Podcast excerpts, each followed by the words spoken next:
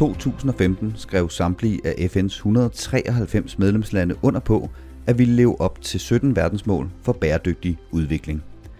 Og hvordan går det så i 2018 i den danske byggebranche med at leve op til målene, der både tæller økonomiske, sociale, miljømæssige og organisatoriske målsætninger? Det var temaet for den seneste af byens salonger, der blev afholdt i FN-byen. I denne podcast skal vi blandt andet høre fra professor i organisations- og ledelsesteori Sten Hillebrandt, byggechef i Domea Charlotte Nørbak og direktør i Green Building Council Mette Kvist. De vil fortælle om, hvordan man kan arbejde med FN's verdensmål i sit firma, sin organisation eller i sit helt konkrete byggeprojekt. Du lytter til Byens podcast. Den produceres i samarbejde mellem Byens Netværk og Byggeriets Pressebyrå. Mit navn det er Andreas Brønds Riese. Velkommen til. Vi starter med at høre FN's chef for partnerskaber, Mette Fjalland, fortælle, hvordan det blandt andet kræver nedbrydning af den udbredte silotænkning, hvis målene skal blive til andet end gode intentioner.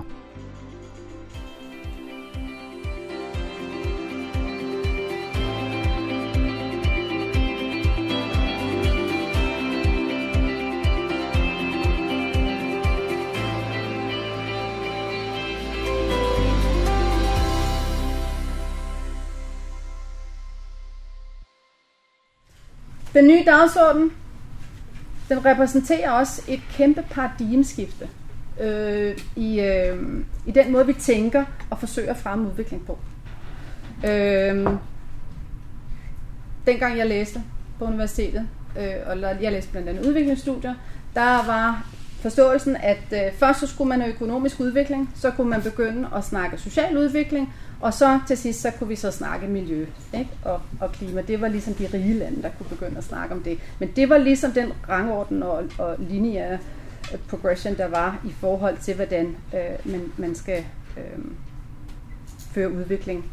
Og det har den jo gjort helt op med, øh, hele den her dagsorden, og ser den nu som en integreret del, og anerkender, at, øh, at vi er nødt til at se både social og økonomisk og miljømæssig udvikling som tæt forbundet, og, og som er gensidigt nødvendig for, at vi kan sikre bæredygtig udvikling. Vi kan godt stå og kigge på den her dagsorden, og så kan vi sige, hold op, den har jo listet alle de problemer, vi har i verden. Og det er jo rigtig, rigtig fint. Så har vi ligesom fået sat problemerne på. Øh, eller også så kan vi også se på, at det er måske også en mulighedsdagsorden i virkeligheden. Den viser os også lidt vejen frem. Den viser os også, hvad er det, vi kan gøre. Hvordan er det, vi skal nytænke og innovere og arbejde for at skabe den transformation, der er nødvendig for at sikre en bæredygtig fremtid, ikke kun for os, men også for de næste generationer. Og det er et ret stort skift. Det er et stort skift ikke kun for FN og hvordan vi arbejder, men det er også et stort skift i forhold til, hvordan man generelt tænker udvikling. Det har været meget silo. Der har været de der NGO'er, de har arbejdet meget med det sociale ikke? og FN-organisationer. Så har du haft miljøorganisationerne. Jamen, de har ikke noget med det sociale at gøre. Vi laver ligesom vores egne ting. Ikke? Og så var der privatsektoren og, og, og, og Verdensbanken osv. De havde ligesom bare med økonomisk udvikling at gøre. Det har ikke noget med det at gøre. Der var sådan en lidt en, en silo-tænkning, som vi bare har fundet, at den er ikke konstruktiv. Og det er vigtigt, at vi, at vi samtænker det. Så det er et stort skift. Et rigtig, rigtig stort skift, og det er tilbage til jer også, som privatsektor, hvordan I skal samtænke, øh, og ikke kun kan kigge på en dimension af bæredygtighed.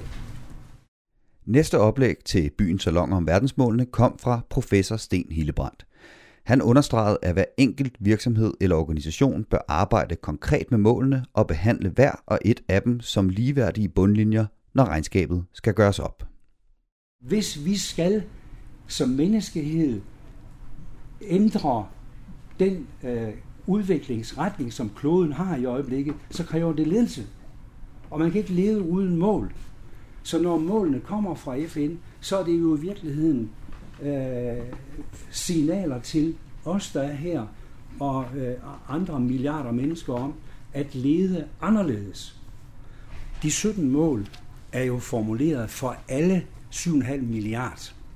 Og det betyder, at hvis I sætter jer ned i jeres virksomheder, i jeres kommuner, øh, øh med jeres projekter, øh, og siger, hvad betyder det her mål om ligestilling øh, for os, så får I ikke ret meget hjælp øh, ved at se på delmålene i de generelle formuleringer.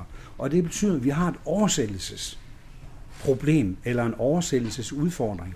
Og det har vi for alle. For alle mål skal vi være lojale, når vi tolker dem ned til vores virksomhed eller kommune. Hvad betyder, øh, hvad betyder fattigdom i Danmark? Det betyder noget andet end i Sydafrika.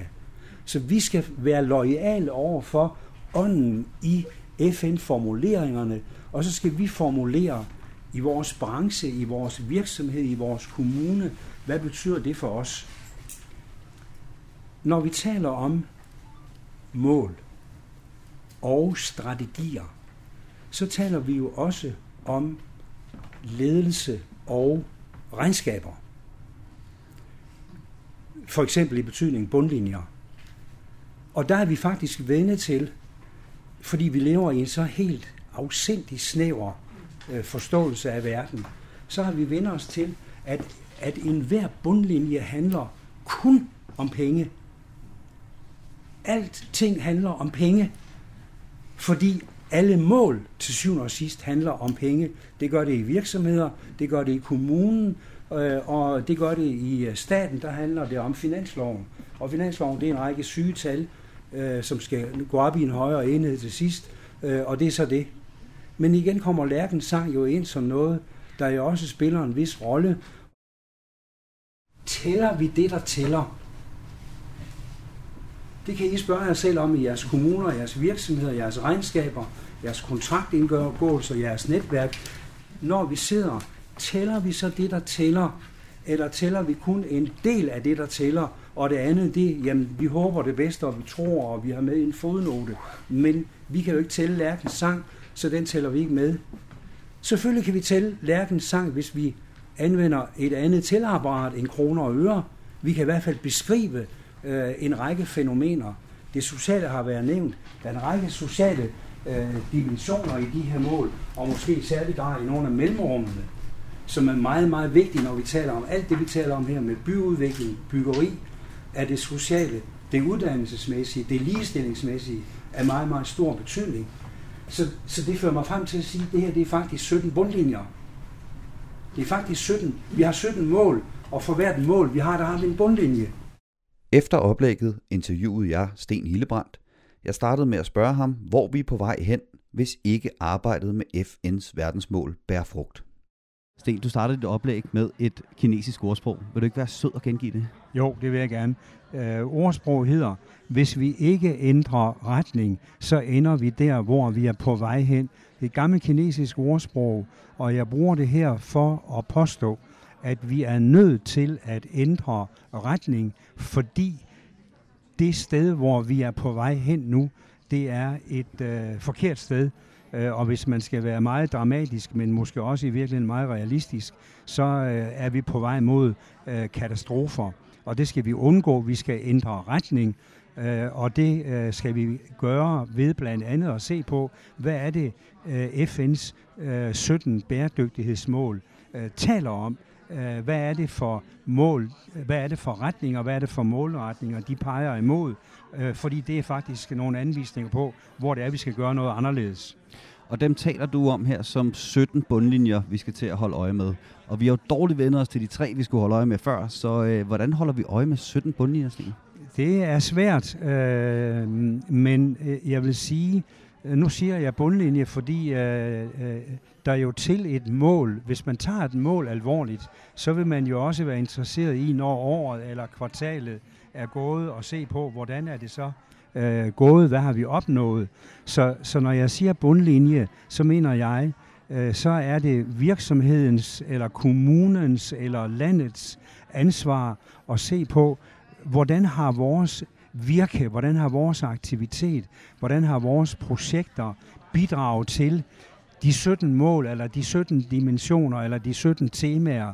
Og det betyder ikke, at vi skal aflægge omfattende, detaljerede, talmæssige regnskaber. Det betyder virkelig til at begynde med, at vi skal have vores bevidsthed rettet på feltet imellem os og vores virke og de 17 temaer, som verdensmålen handler om.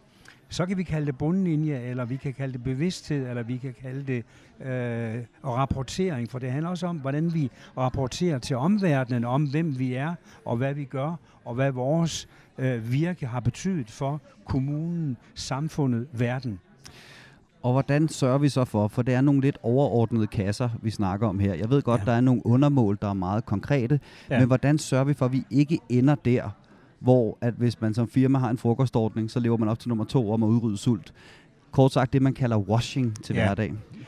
Øh, jeg synes, øh, man skal ikke washe på den måde, at man finder ud af, at man gør noget, som i virkeligheden handler om mål 7 og mål 11, og så gør man sig til med det. Men omvendt, så vil jeg sige, det er en god måde for nogle virksomheder at begynde en verdensmålsproces ved at stille sig spørgsmålet, kan vide, hvordan vi ser ud øh, med det, vi i øjeblikket gør, øh, i forhold til verdensmålene. Så hvis vi tager vores projekter, eller vores produkter, eller vores aktiviteter, hvordan ser det så ud i forhold til verdensmålene? Prøv at registrere det, prøv at tale om det, prøv at drøfte det som en indledning til at sige, disse verdensmål, dem vil vi i øvrigt arbejde lidt mere detaljeret med, øh, så vi vil ikke bare se i bagspejlet og sige, hvordan har vi øh, performet i forhold til verdensmålene. Vi vil faktisk begynde at indrette vores fremtidige virke øh, ud fra, hvordan vi bedst kan tilgodese de her mål. Og så begynder man i virkeligheden en proces i en virksomhed, som ender med i løbet af et år eller to eller tre, at verdensmålene bliver et strategisk anlæggende, så man udformer sine strategier, det vil sige sine planer og initiativer for fremtiden med et meget klart sigte mod verdensmålene. Og så er vi kommet til, skal vi sige, en meget mere bevidst fremtidsorienteret øh, forholde sig til verdensmålene, men det kan godt komme fra en passiv, stille øh, registrering af, hvordan vi stiller os i øjeblikket i forhold til verdensmålene, uden at vi har gjort noget bevidst for det, men i virkeligheden bare ser på, hvordan har vi ageret. Men det vil sige, at hvis nu jeg har en elektrikervirksomhed med fire ansatte, den økonomiske bundlinje er jo også en del af verdensmålene. Bæredygtig økonomisk udvikling. Ja. Hvor konkrete mål skal man sætte sig på de andre områder? Jeg tror, man skal, jeg tror, hvis man er en lille elektrikervirksomhed, en lille håndværksvirksomhed med få ansatte, så skal man tage det meget, meget, meget roligt. Øh, og i virkeligheden på den ene side erkende, at det hele det hænger sammen, øh, og det gør det også i vores virksomhed. Men vi er nødt til at gå trinvist, konkret, praktisk frem, så vi arbejder med den økonomiske, bæredygtige øh, dimension. Vi skal have orden i regnskaberne, vi skal have overskud, ellers så kan vi ikke overleve. Øh, men så kunne man jo godt se på, hvordan kunne vi tage hensyn til uddannelsesdimensionen. Har vi lærlinge? Øh, hvordan uddanner vi vores medarbejdere, så de øh, også er gode til at klare morgendagens opgaver? Hvordan øh, bidrager vi til dimensionen vand? Øh, spilder vi en masse vand? lader vi vandhanerne løbe? lader vi lyset være tændt, så vi øh, spilder en masse energi? Øh, eller kunne vi i virkeligheden gøre noget på nogle af de dimensioner? I forhold til vores kunder, øh, kunne vi, når vi foreslår løsninger ude hos vores kunder, kunne vi så begynde at tage hensyn til noget, som ikke ligger lige for, øh, fordi vi nu øh, har det håndværk, men i virkeligheden prøve at tænke nogle andre dimensioner ind, sådan så vi i virkeligheden stille og roligt inddrager det ene efter det andet, efter det tredje mål, og pludselig så arbejder vi måske med syv øh, måldimensioner, syv øh, bundlinjer, syv hensyn, som for os bliver vigtige, og øh, så er der måske nogle øh, hensyn, som vi faktisk ikke kan se, kan passes ind i vores virksomhed.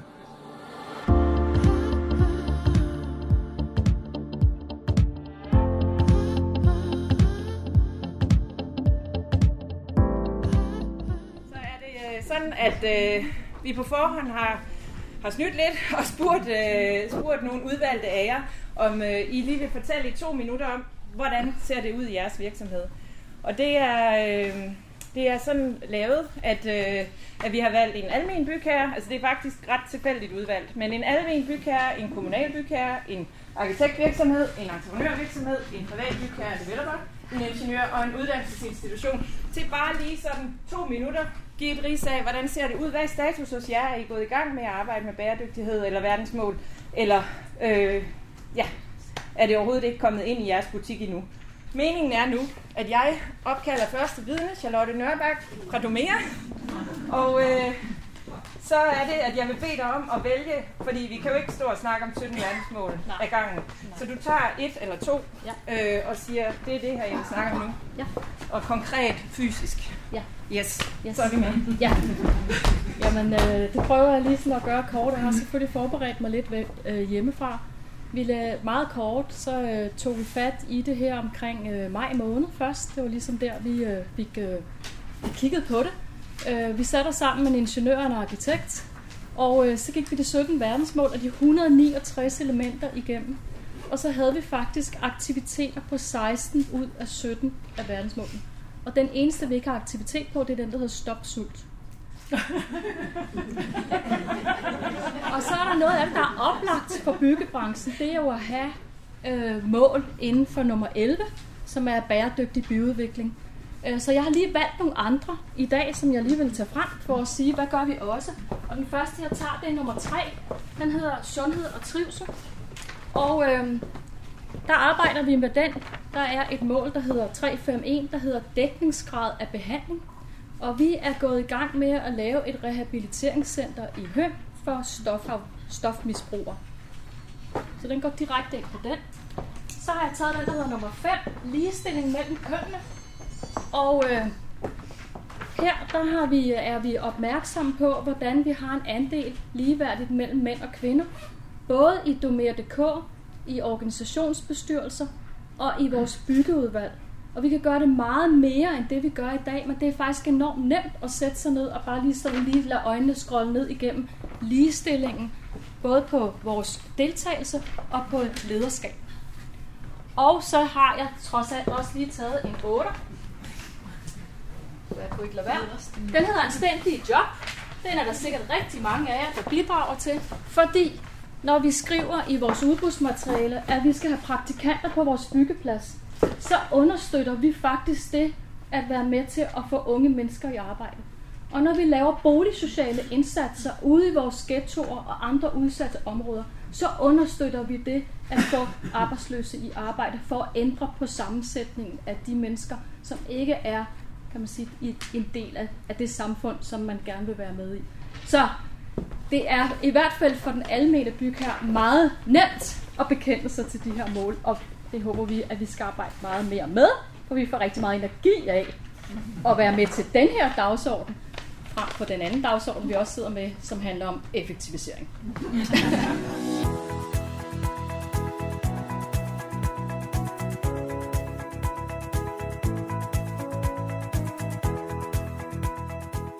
og næste mand med i byens podcast her, det er Arne Høj, institutleder inde ved Arkitektskolen. Og Arne, vil du ikke fortælle lidt om, hvordan I arbejder med verdensmålene på jeres uddannelser? Jo, altså i virkeligheden så startede det, altså verdensmålene blev jo sat i søen i 2015 i øh, New York, og i 2016, der sagde vi til hinanden ude på arkitektskolen, at det var en bold, som vi gerne ville gribe. Mm. Øhm, og i virkeligheden ser vi det lidt sådan, at vi er med til at uddanne øh, de arkitekter, som skal ud og bygge bagefter. Som Sten Hillebrand sagde i sit indlæg, så er vi sådan en slags øh, katalysator. Vi starter noget, men vi er ikke med i den endelige proces. Øh, men alligevel så har vi, på, øh, og gennem det, der har vi jo en ret stor påvirkning eller impact på hele det byggede miljø. Og det er jo også et ansvar for en uddannelsesinstitution at have. Så da vi så satte de her verdensmål på dagsordenen, så sagde vi, øh, hvis nu vores afgangsstuderende, altså dem, der er færdige, som deres sidste opgave, de laver på skolen, den de består på og præsenterer til sidst og er til eksamen i, hvis de så alle sammen, vi beder dem om at have et fokus på FN's 17 verdensmål, så øh, kommer der måske nogle løsninger og også nogle spørgsmål, som kan være med til at berige den her debat. Og et af de projekter, som jeg er blevet lidt blød knæen over, det var en studerende, som havde fundet virkelig det mest røvsyge kontorhus, hun kunne finde i København. Sådan en betonbolig. Findes de? De findes. det var der mange. Sådan et fra 70'erne, ikke? Og i det, siger hun, som i hendes udfordring, det har været at lave ungdomsboliger og bruge den eksisterende bygning, bygningsstruktur.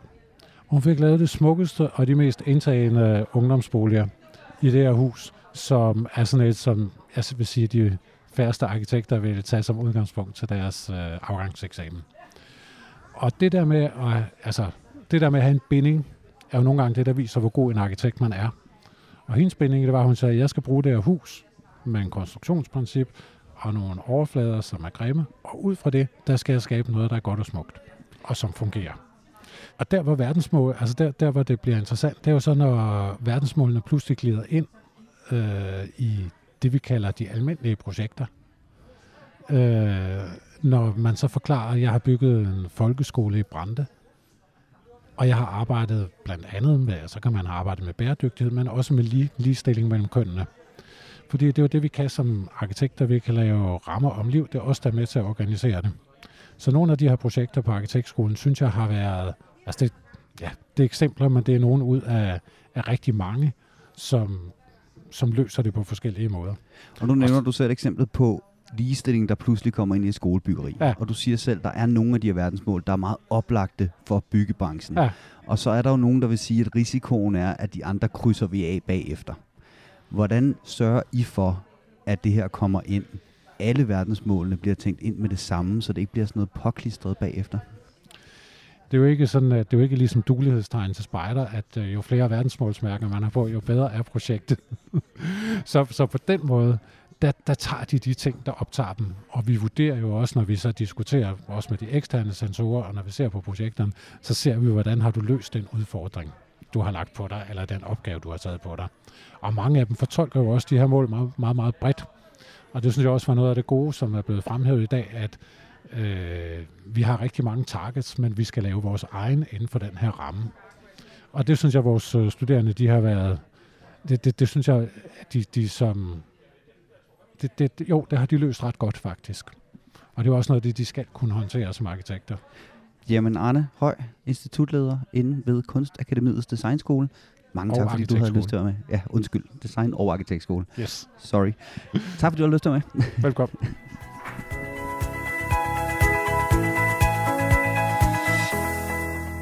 Ja, og så har jeg fået besøg af Mette Kvist, direktør i Green Building Council. Velkommen til, Mette. Tak skal du have. Mette, I har jo den her øh, DGNB-certificering, som er bundet op på de her FN-verdensmål. Vil du ikke lige prøve at forklare, hvordan det hænger sammen? Jo. Øhm, ja, øh, jeg repræsenterer jo denne her non-profit organisation øh, med 313 medlemmer har vi, i, og det er aktører i, i branchen, øh, og det er kommuner, regioner osv., der er medlem i vores forening. Og vi har tiden øh, 2012 arbejdet med bæredygtighed i byggeri og det bebyggede miljø. Og øh, måden vi ligesom startede på, fordi bæredygtighed skulle gøres konkret, så der besluttede vi, at det kunne det blive med en certificering. Og det, man valgte, var så denne her DGNB-certificering til netop bygninger og byområder. Så det er så de her seks år siden. Det er gået fint stødt. Det har udviklet sig. Der er mange, der har uddannet sig. Der er stor interesse for det. Vi har alligevel savnet noget, noget øh, topledelsesbevågenhed, fordi DGNB-kriterierne er meget konkrete og meget specifikke i et byggeri og øh, øh byområde. Så kommer øh, FN's 17 verdensmål, som jo netop kommer på et internationalt niveau og, og rammer vores øh, lille land øh, og bliver ramme for at tale bæredygtighed og, og gøre noget ved bæredygtighed, ikke bare tale om det, øh, med de her specifikke mål. Og øh, der har vi øh, så gået ind og, hvad hedder det, sat øh, vores øh, bæredygtighedskriterier fra DGNB og sat dem ind i kontekst af FN's verdensmål. Så i virkeligheden har vi kvæg det arbejde, vi allerede har lavet, og, og mange af vores medlemmer har været med, medbidragende til, har vi en, en ramme for en meget pragmatisk måde at komme specifikt i mål med nogle af FN's mål. Så det ikke bare bliver noget, man siger til en skåltale, men det er faktisk også noget, man går ind og gør på sit byggeri og samler dokumentation på. Bæredygtighed handler jo i virkeligheden om progression. Altså, det er jo, en, det er jo noget dynamisk noget, og vi, men vi er jo vi er nødt til at komme i gang, og så lige så stille rykke videre. Øh, DGNB er i sig selv bygget med, med progression for øje, med dynamik for øje. Du har en benchmark-bygning, som du måler op imod. Så når du scorer i en DGNB-certificering, så scorer du øh, øh, hvad hedder det, bedre end denne her benchmark-bygning. Og så kan du, hvad kan man sige, jamen jo bedre du kan gøre det, jo, jo, hvad hedder det, jo højere score får du. Øhm, og så kan man sige, at så giver vi også credit for, for innovation, øh, og det er noget, vi kommer til at arbejde endnu mere med i, den, øh, i de kommende kriterier, vi, øh, vi lancerer til næste år. Hvad har reaktionerne været på den her certificering? Øhm, vi har haft, jamen, øh, det har været en fantastisk rejse, fordi det har været fra, ja tak, vi kan ikke få bæredygtighed nok, det er ligesom kærlighed, det skal bare være der over det hele, til øh, hold da op, det er bare noget værre vinduespynt. Og, øh, og de her øh, mennesker, lige så stille, når de finder ud af, at det er faktisk konkret, det er ikke bare snak, og det er faktisk noget, der bringer kvalitet til vores byggeri, og, øh, og det, det bringer, øh, hvad hedder det, fokus på de mennesker, der er i bygningen. De får det bedre. Der er, hvad hedder det, der er stillet krav til miljøfarlige stoffer, til godt indeklima, øhm, til akustik osv. Så, videre. så, øh, så man, øh, vi har en, en fantastisk øh, ja, record, når vi er rundt og, og taler med dem, der har fået bygget og certificeret. De er, de er rigtig glade for den kvalitet. Så i virkeligheden, ja, så handler det jo om, at vi bygger en høj kvalitet, vi får tænkt os om, og vi får bygget smukt, så vi får lyst til at passe på bygningerne og ikke at rive dem ned. Mette Kvist, direktør i Green Building Council. Mange tak, fordi du har lyst til at være med. Selv tak.